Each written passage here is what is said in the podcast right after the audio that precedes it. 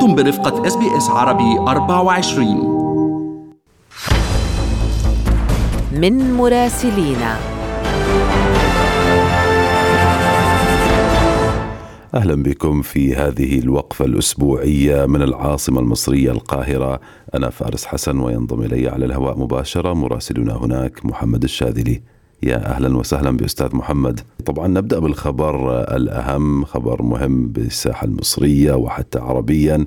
زيارة ولي العهد السعودي الأمير محمد بن سلمان إلى القاهرة وذلك في مستهل جولة إقليمية كان أعلن عنها الديوان الملكي السعودي يعني أبرز المواضيع التي تطرح التي ستطرح على أجندة اللقاءات مع الرئيس عبد الفتاح السيسي هل من تطرق حتى إلى زيارة الرئيس بايدن المرتقبة وهل من استثمارات سعودية قريبة أيضا في مصر؟ بدأ ولي العهد السعودي الأمير محمد بن سلمان من مصر جولة في المنطقة تشمل الأردن وتركيا وحظيت زيارة بن سلمان لمصر بترحيب كبير الرئيس السيسي على رأس المستقبلي في مطار القاهرة والصحف ووسائل الإعلام تابعوا الزيارة باهتمام بالغ مع كتابات تحليلية بأهمية الزيارة وبعلاقات البلدين وبحث السيسي وابن سلمان كما المتحدث الرسمي باسم الرئاسة سبل تطوير علاقات البلدين والقضايا السياسية الإقليمية والدولية. الجولة مرتقبة بطبيعة الحال لأنها في المحطة المصرية تلح على مفهوم استراتيجية العلاقات. وتقرأ في ملف ليس بعيدا وهو زيارة الرئيس الأمريكي بايدن للسعودية والتي يفيض المحللون في ملفاتها وارتباطها بالحرب الروسية في أوكرانيا وإمدادات الطاقة وإيران والعلاقات العربية مع إسرائيل، نفس المخرجات في المحطة الأردنية، فالأردن لاعب رئيسي في كل هذه التحركات وهو مدعو أيضا إلى قمة بايدن مع زعماء عرب مصر والعراق ودول مجلس التعاون الخليجي. ويختتم بن سلمان جولته بتركيا بعد مصالحة أخيرة بعد أزمة مقتل جمال خاشوججي في تركيا وتداعياتها وزيارة الرئيس أردوغان للسعودية واللقاء مع ولي العهد السعودي. التقارير السعودية تقول أن الجولة الثلاثية هي تلبية لدعوات تلقاها ولي العهد. خرجت زيارة بن سلمان للقاهرة بتوقيع 14 اتفاقية ومذكرة تفاهم جديدة بقيمة 30 مليار ريال سعودي أي ما يقارب 8 مليار دولار أمريكي. وذلك خلال اجتماع منتدى الأعمال المصري السعودي الذي عقد خصيصا ضمن فعاليات الزيارة. وطالت الاتفاقيات الأربعة عشر الجديدة مجالات التعاون في الإعلام التحول الرقمي تكنولوجيا الطاقة النظيفة والمتجددة والهيدروجين الأخضر وتحلية ومعالجة المياه بناء مراكز تجميع صناعات البترول السيارات التطوير العقاري والأغذية والخدمات اللوجستية. ونشرت سفارة السعودية بالقاهرة تقريرا كشف عن ارتباط مصر والمملكة بأكثر من 160 اتفاقية ثنائية كما وصل حجم التبادل التجاري إلى نحو 54 مليار ريال سعودي في العام الماضي كأعلى قيمة له تاريخية نعم محمد عجبني هذا العنوان في إحدى المواقع الإخبارية. الغاز المصري يضيء لبنان. يبدو في اتفاقية لإيصال الغاز المصري وحتى بأسعار أقل بكثير يعني من السعر العالمي إلى لبنان عن طريق الأردن وسوريا. بنعرف إلى الآن أنه يعني بدها مصر استثناء ربما من قانون العقوبات الأمريكية على سوريا.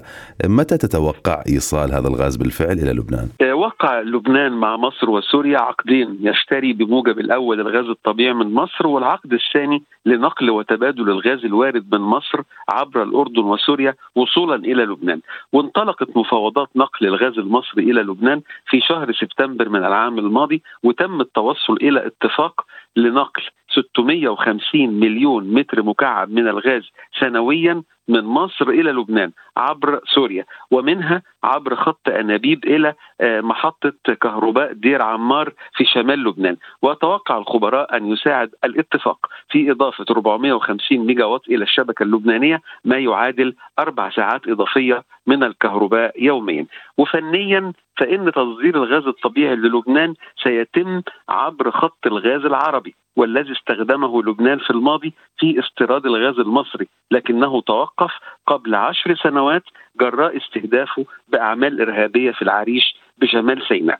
وحسب وزير الطاقة اللبناني في حكومة تصريف الأعمال وليد صياد فإن هذا الاتفاق لم يكن ليتم لولا تبني مصر للمشروع من اللحظة الأولى ومتابعته بتفاصيله ودعم كافة مراحله وصولا إلى تأمين زيادة للكمية. إذا هي عودة مصرية لتصدير الغاز الطبيعي إلى لبنان عبر سوريا باستخدام خط الغاز العربي الذي سيعاد تشغيله بعد توقف لسنوات. وسيكون على الدول الثلاث مصر ولبنان وسوريا انتظار الحصول على موافقة البنك الدولي لتمويل قيمة الغاز المصدر واستثناء مصر من عقوبات قيصر المفروضه على دمشق.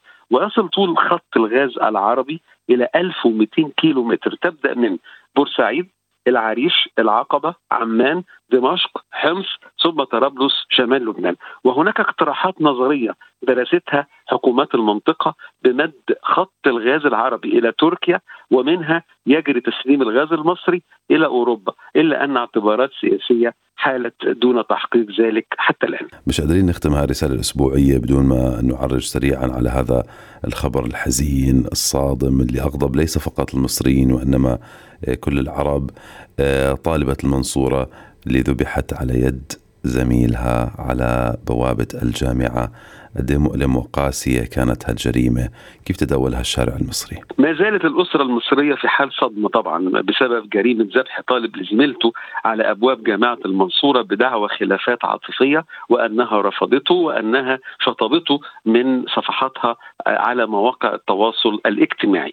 جدة الطالبة قالت أن المتهم سبق وتقدم لخطبة نيرة أكثر من مرة إلا أنها وأسرتها رفضوه وهو ما جعله يقرر التخلص منها ولم يكونوا يشعرون بأنه جاد في تهديده الحادث هز الرأي العام في مصر الذي لم يجد مبررا لذبح فتاة رفضت الارتباط بزميل جامعي لها تأثير الحادث طال الجميع حتى إنه من المثير للأسى أن شابا آخر من المنصورة ترك عزاء لها على صفحته قبل أن ينتحر هو نفسه لأسباب عاطفية بسبب عدم ارتباطه بفتاة.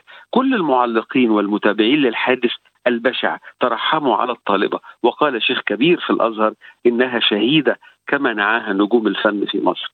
زميل ثالث لهما كان أمامهما مباشرة أثناء الطعنات الغادرة كتب رسالة اعتذار آسف حاولت إنقاذك وما قدرتش والغريب إن أستاذ في جامعة الأزهر مشهور في الفضائيات في مصر طالب الفتيات بالحجاب والاحتشام أو سيأتي إليها من يجري ريقه ويقتلها. واعتبرت منظمات حقوقية نسائية رأي الأستاذ الجامعي تحريضا وحرك المركز القومي لحقوق المرأة بلاغا ضده في مكتب النائب العام.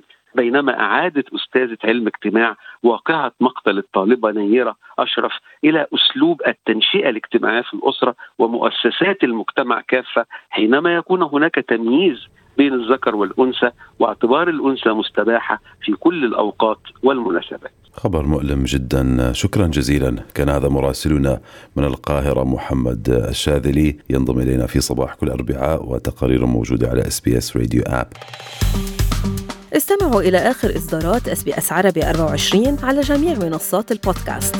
تابعوا بودكاست الهوية في موسمه الثاني الذي يروي قصصا واقعية تعكس تحديات الانتماء التي يواجهها الشباب العربي في أستراليا.